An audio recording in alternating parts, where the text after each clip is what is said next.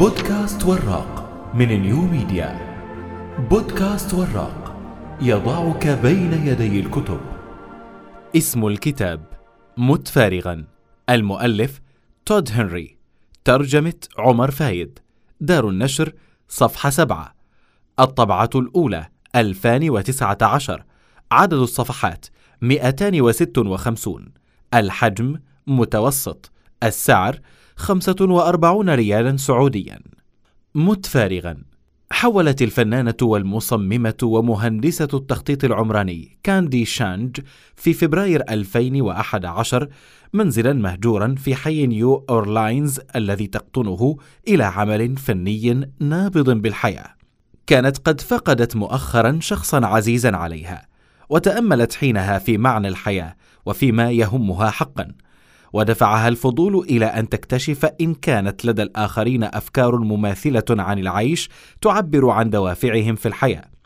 فقامت بتدشين سبورة ضخمة على امتداد طول أحد جوانب المنزل المهجور وعرضه. ثم كتبت بعدها تلك الكلمات على أعلى الحائط وتركت عشرات المساحات الفارغة إلى جانب الكلمات التالية قبل أن أموت أريد أن في صفوف متراصة إلى جانب بعضها بعضا على امتداد سطح الحائط. ثم ركنت إلى جانبها الطبشور اللازم لملء الفراغات، وترقبت لتنظر ما الذي يمكن أن يحدث. هل سيشارك الناس؟ هل سيتم تخريبها؟ هل سيلاحظها أي شخص من الأساس؟ ولم يدم تساؤلها لفترة طويلة، فقد كان لهذا النصب وقع فوري في النفوس. إذ ملأه أهل الحي والمارة بأحلامهم وطموحاتهم. قبل أن أموت أريد أن أغني لملايين الأشخاص. قبل أن أموت أريد أن أؤلف كتابا. قبل أن أموت أريد أن أخبر أمي أني أحبها. وسرعان ما انتشر الحديث، وبدأ الكثيرون يظهرون من كافة أرجاء المنطقة ليكتبوا أحلامهم وطموحاتهم على الحائط. أيامك معدودات. ويوما ستنفد. لقد أمضى أكثر الأشخاص الذين أعرفهم كل حياتهم محاولين تجنب هذه الحقيقة. يملؤون حياتهم بنشاط محموم ويقفزون من مهمة إلى أخرى ومهما كان مدى نجاحهم في أداء عملهم يظل لديهم تساؤل مع نهاية اليوم. هل للعمل الذي أديته اليوم أهمية حقا؟ وهناك آخرون قابلتهم ناجحون إلى حد غير معقول. في عملهم. لكنهم مع مرور الوقت وقعوا في حالة من الركود. إنهم يشعرون أن في داخلهم المزيد ليقدموه لكنهم يعجزون عن تحديد السبب الذي يجعلهم عالقين في تلك المرحلة الأولية من حياتهم. إذ يخالجهم شعور أنهم قادرون على الإسهام بالمزيد أو حتى أن يكونوا لامعين في فعل شيء ما لكن لا يملكون خارطة طريق لإماطة اللثام عن ماهية هذا الإسهام وهذا يطرح تساؤلا. كيف تعطي دفعة لسلسلة من الإجراءات التي من شأنها إطلاق العنان لأفضل أعمالك وأكثرها قيمة وأنت ما زلت قادرا على فعل ذلك؟ إن السوق تعج بكتب مكررة عادة ما تكون بسيطة وغير مجدية. عن كيف تجعل الحياة تستحق العيش وكيف تصل إلى وظيفة أحلامك واكتشاف هدفك في الحياة. لكن حينما تكون في معترك الحياة تجد ألا طائل من التفكير في أي شيء سوى إنجاز أعمالك قبل موعدها النهائي. فمن السهل أن تتشتت وتستيقظ لاحقا بعد عدة سنوات وأنت تسأل نفسك: من أنا؟ وكيف وصلت إلى هنا؟ وكيف يتسنى لي الرجوع؟ إن الطريقة الوحيدة لتلافي هذا المشهد الخيالي هي ألا تتوقف عن إضافة ممارسات إلى حياتك تبقيك على مسار حقيقي وثابت. فأوقية من الانضباط الاحترازي اليوم تعادل رطلا من الإجراءات التصحيحية مستقبلا. وهذا الكتاب يدور حول استثمار العقلية والأساليب التي تحتاج إليها لإطلاق جماح أفضل ما لديك كل يوم وأيضا لزيادة فرص عدم ندمك في نهاية مطاف حياتك حول الكيفية التي أمضيت بها أيامك إسهامك كم تمضي من الوقت في يومك للاطلاع بعمل تفتخر به لاحقا؟ في خطابه الاستهلالي بجامعة ستانفورد لدفعة 2005 كان ستيف جوبز يحفز الخريجين بهذا الخطاب. في كل صباح كنت أنظر في المرآة وأسأل نفسي إذا كان اليوم هو آخر يوم في حياتي هل كنت لأفعل ما أنا على وشك فعله اليوم؟ وحيثما كانت الإجابة لا لعدة أيام على التوالي أعلم حينها أنني في حاجة إلى تغيير شيء ما. وأردف قائلا حينما وضعت نصب عيني أنني سأموت قريبا. كانت تلك أهم أداة صادفتها لمساعدتي على اتخاذ خيارات مهمة في الحياة لأن كل شيء تقريبا كل التوقعات الخارجية كل الغرور والخوف من الإحراج أو الفشل يصبح ثانويا في وجه الموت. ويتلاشى تاركا ما هو مهم فقط وتذكرك أنك سوف تموت هو أفضل طريقة أعرفها لتلافي فخ التفكير في أن عندك ما تخسره. أنت عار بالفعل ولا يوجد أي سبب لأن لا تتبع قلبك. إن الإجابة الأشهر التي قابلتها عندما شاركت هذه الكلمات مع الآخرين هي قول نعم على الفور وتتبعها نظرة بالية لسان حالها. وماذا بعد؟ يبدو أن الأمر نصيحة جيدة لشخص ليس لديه التزامات أو قيود أو أعباء لكنها ليست كذلك بالنسبة إلى الأشخاص الذين يعيشون في العالم الحقيقي ولديهم مسؤوليات كبيرة مثل العائلة والرهن العقاري. وكيفما كان الحال فإن الانخراط في عمل ممتع لا يتطلب منك الانعزال عن الحياة. يتطلب الأمر ببساطة جهودا مستمرة ومركزة لاستغلال فطرتك ومهاراتك لتحقق تقدما ملموسا في أهدافك. إن العمل اللامع يتشكل ممن يتعاملون باستمرار مع يومهم بشعور بالدافع والإجهاد ويعني الدافع الاستفادة من مواردك تركيزك وممتلكاتك ووقتك وطاقتك بطريقة مثمرة وذات مغزى. والاجتهاد يعني شحذ مهاراتك وتنفيذ عملك بأسلوب لن تندم عليه لاحقا. وحين تتبنى عقلية الاجتهاد الضرورية هذه سوف تفرغ كل ما في داخلك على أيامك وبالتالي سوف تجد أن القيمة الفريدة التي تجيء بها إلى الحياة قد أصبحت أكثر وضوحا. هيكلك العملي. عندما توافيك المنية. تبقى أعمالك قائمة كأكبر شاهد على ما كنت عليه وما تؤمن به. وحينما أقول أعمالك فلا أعني فقط مهنتك بل أي طريقة تضفي بها قيمة على العالم مستخدما مواردك المتاحة. وهذا يشمل بالطبع كل مهمة تفعلها أو مشروع تشارك فيه. لكنه يشمل أيضا كل مرة تشجع فيها شخصا آخر أو تساهم في إثراء علاقة ما أو كل مناسبة تبذل فيها جهدا لتنمي مهاراتك وتطور من عقلك. الحياة العادية المغرية. كل إنجاز هائل يبدأ بفكرة تجول في الخاطر. إنها معرفة قابعة في أعماقك بصورة تفوق الوصف بأن شيئا عظيما يمكن أن يحدث ويظهر للوجود. ولعل هذه البصيرة تستحوذ عليك وينتج عنها طاقة مفيدة وحماس حينما تتخيل قوتها الكامنة إن كنت واعيا بما فيه الكفاية لتلاحظها. فلتولها اهتماما بعض الوقت وتضع في الاعتبار الآثار المترتبة عنها وتفكر مليا في كيفية تحقيقها. لكن حماسك ما يلبث أن يخفت ما أن تبدأ قوى أخرى بالاستحواذ عليك. هذه هي القوى التي تساهم في ركودك وجمودك. إنها تجعلك تفكر مرتين حيال حدسك. تصبح مهووسا بمنطق أن الفكرة ستكون صعبة التنفيذ للغاية. وفي النهاية تتخلى عنها. وبمرور الوقت يتلاشى هذا الحس الباطني في ضباب الحياة. لماذا يحدث هذا الأمر؟ لماذا ينتهي المآل بكثير من الأفكار والمشاريع والفرص إلى أن تطرح جانبا أو تستبدل بأمور أسهل وآمنة وعاجلة؟ لماذا يبدأ الكثير من الناس أقوياء وبهذا الأمل الكبير لكنهم يخضعون مع مرور الوقت لإغراء الحياة العادية؟ حينما نبدأ حياتنا المهنية أو نبدأ في مشروع مثير نجد كل شيء جديدا فنلقي بأنفسنا في رحاب العمل بنشاط كبير لأننا ندرك أننا نريد إثبات جدارتنا لمديرينا أو عملائنا. وفي بعض الأحيان يشبه الأمر بداية علاقة جديدة فنخطو إلى الأمام بأفضل ما لدينا لأننا نريد أن نحظى باحترام وتقبل شريك حياتنا المحتمل.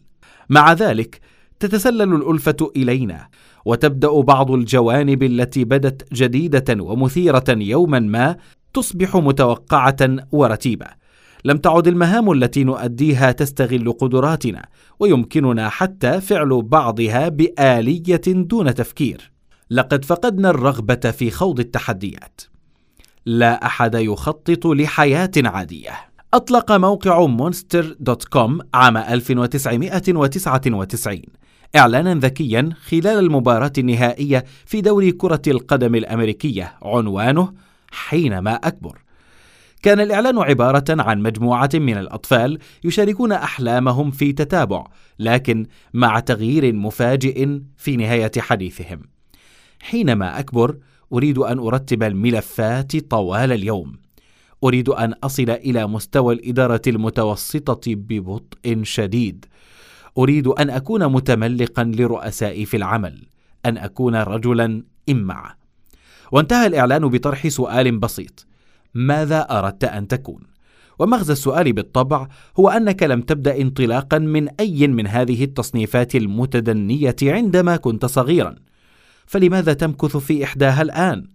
ربما يقول البعض بأن العالم أكثر تعقيدا مما يطرحه هذا الإعلان وهذا حقيقي لكن عديد الناس الذين بادأوا بوعد ما في واقع الأمر انتهى بهم المطاف إلى شيء أقل مما وعدوا به.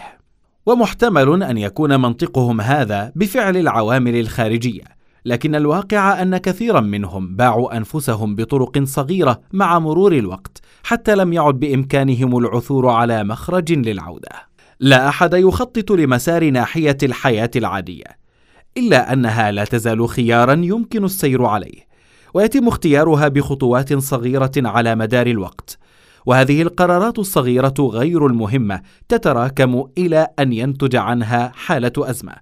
عند هذه النقطة يبدو إحداث تغيير وكأنه أمر لا يطاق.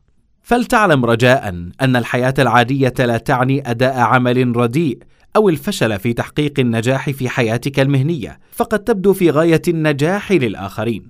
لكنك تعلم في قرارة نفسك أنك ماكث حيث أنت وفي نفس الوقت قد تبدو غير مبهر ظاهريا للآخرين. إلا أنك تعظم من قدراتك فالحياة العادية أمر ذاتي ونسبي تماما. والمفتاح لتلافي هذا الانزلاق ليس في العمل بجهد أكبر أو لفترات أطول. لكنه الوثوق بأنك تخوض افقا جديدا في عملك الخاص عامدا بدلا من تجنيد نفسك لحراسة الأرض التي اكتسبتها بالفعل. تحل بالفضول الشديد. لمنع الملل أن يبلد أحاسيسك. عليك التعاطي مع عملك بعقلية فضولية. إن العبارة التي أستخدمها لوصف المهنيين أصحاب الإنتاج العالي والركود الفكري هي الملول المشغول. إنهم ينجزون الكثير من العمل ويفعلون ما عليهم فعله لتلبية توقعاتهم.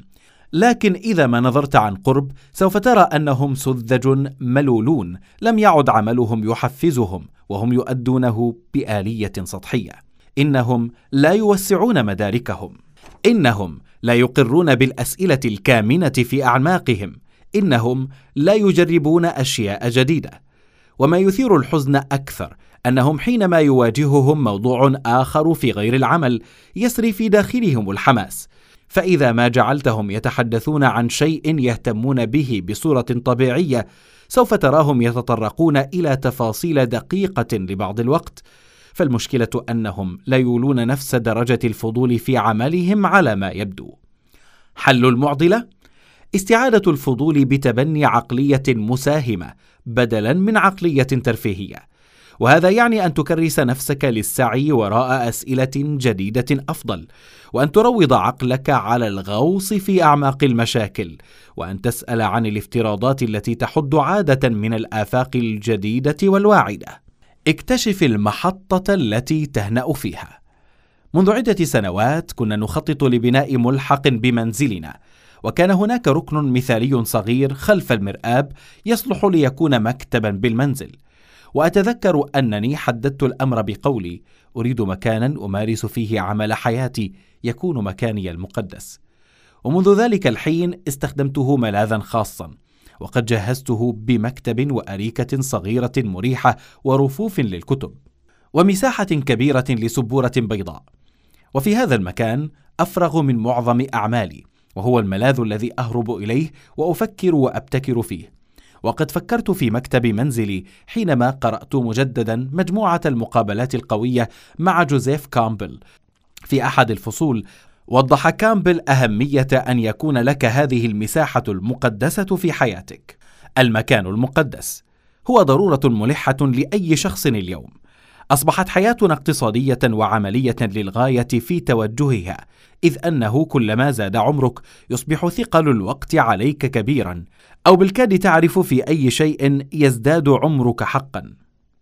أنت تفعل على الدوام الشيء المطلوب منك، أين هي المحطة التي تهنأ فيها؟ أنا أحب اقتراح كامبل أن تجد مكانا تكون مهمتك الوحيدة فيه السعي خلف الأشياء التي تثير فضولك. أعتقد أن هذا ما كنت أرمي إليه حينما قلت أن أفعل عمل حياتي. فعمل حياتي لا ينحصر بالتأكيد في بناء عمل التجاري، إنه أكبر من ذلك بكثير. إنه الفراغ الذي أشغله في حياة الآخرين الذين أعيش لخدمتهم بما يتضمن عائلتي وأصدقائي إنه اكتشافي لذاتي وكل هذا العمل الذي أقوم به في عزلتي يغذي العمل الذي أفعله في كل ركن من أركان حياتي رافدا يتدفق في نهر هائج. اخرج من منطقة راحتك. من أجل تقديم مساهمة قيمة عليك الاعتياد على التعب وتبني نهج النمو وتنمية المهارات طوال عمرك. تعلمت أنني إذا لم أفحص نفسي فإنني أنجرف إلى درب مريح أكثر. وإذا لم يكن لدي التنظيم الذي يحثني على النمو فسينتهي بي المطاف وأنا أفعل ما يعطيني أفضل شعور في تلك اللحظة. وذلك لأنني مصمم بيولوجيا على أن أبقى في منطقة راحة معينة وأن أتجنب الألم الذي يبدو كأنه غير ضروري والذي يأتي من الخروج عن حيز هذه المنطقة. ومع ذلك فإنني أستمر في النمو كي يصبح في وسعي تحقيق عمل عظيم وأعلم أنني في حاجة إلى تحدي تلك الغريزة البيولوجية بالقفز فوق العقبات التي تجبرني على النمو. وعادة ما تتردد هذه المشاعر من الأشخاص الناجحين الذين قابلتهم في مكان العمل وخاصة الذين أمضوا وقتا طويلا في مهنتهم. عمل سام سولانو مديرا في شركة فيديكس لمدة 29 عاما وهي فترة طويلة في سوق العمل. يقول سام تعلمت أنه علي إعادة ابتكار نفسي دوما فبصفتي مديرا أول أحاول أن أتعلم كل يوم قدر الإمكان. أستمع أكثر مما أتحدث وأحاول جاهدا أن أحيط نفسي بأشخاص أذكى مني. وعندما سئل كيف يتفادى إغراء الاستقرار الحتمي مع النظر إلى الفترة الطويلة التي أمضاها في الشركة فردد نصيحة عادة ما يقدمها للمتدربين في إدارته عليك أن تؤدي أفضل عمل لديك حتى وإن لم يسمعك أي شخص. هذه هي أفضل طريقة تجعل نفسك بها لا تقدر بثمن لفريقك وتضمن استمرارك في النمو. مغالطة آخر يوم. ربما سألت نفسك في مرحلة ما ماذا كنت لتفعل اليوم لو كان هذا آخر يوم في حياتك؟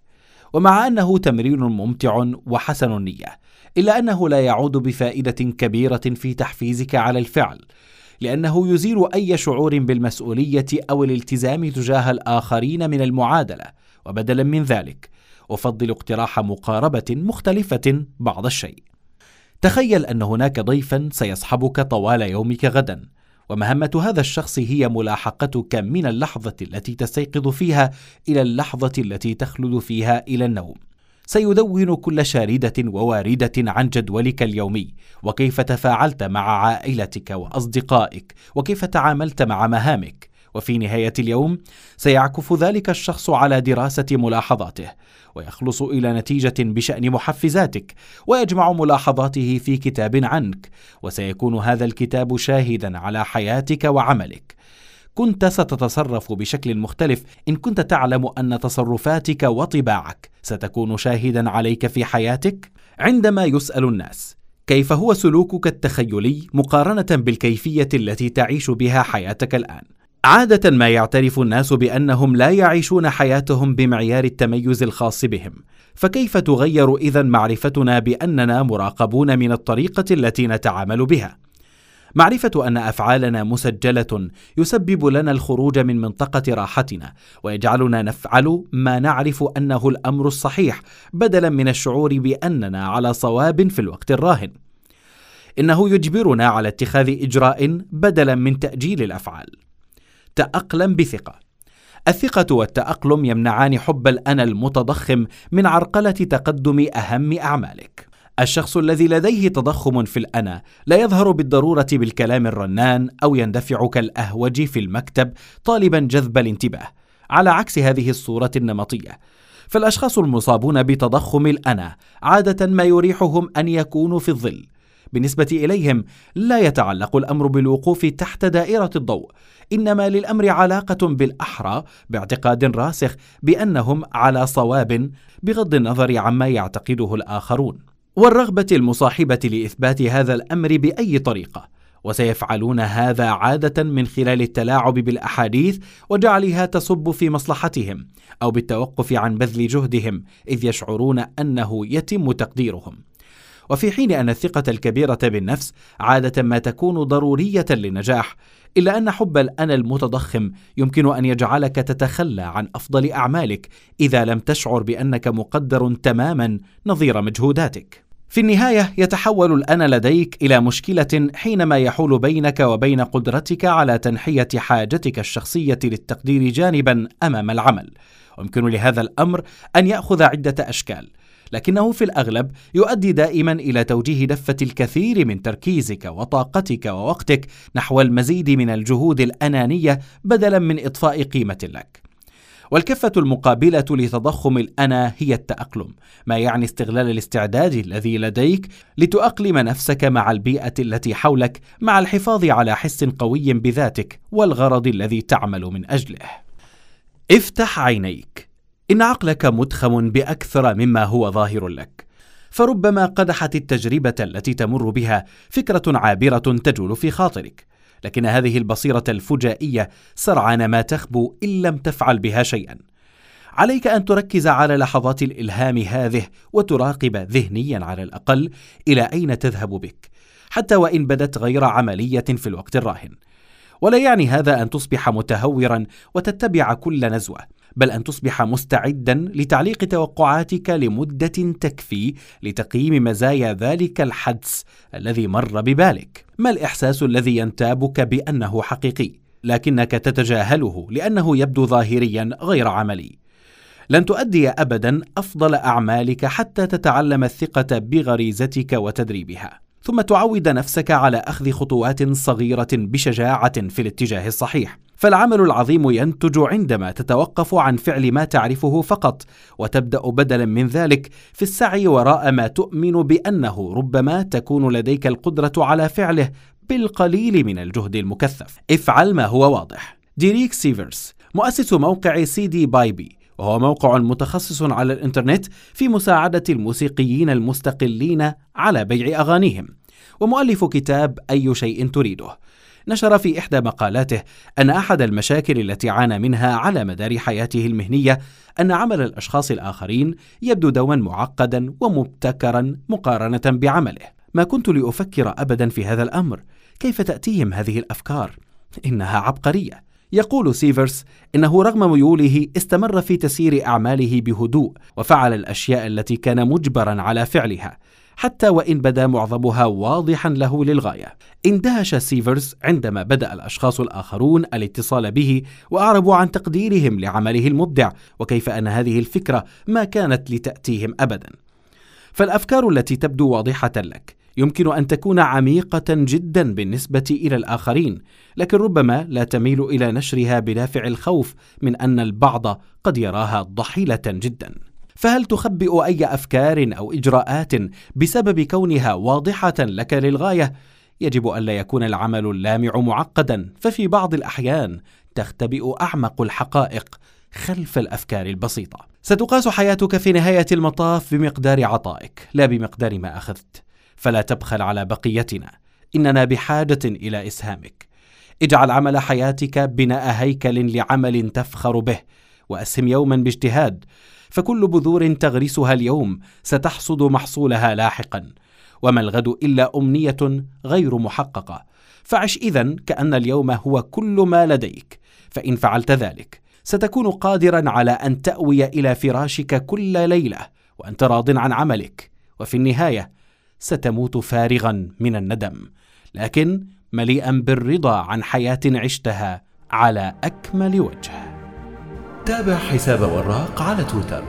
وبإمكانكم الاستماع إلى حلقات بودكاست وراق عبر البودكاست وراق كاست dot com وعبر حسابنا على SoundCloud New Media 4 AR بودكاست وراق.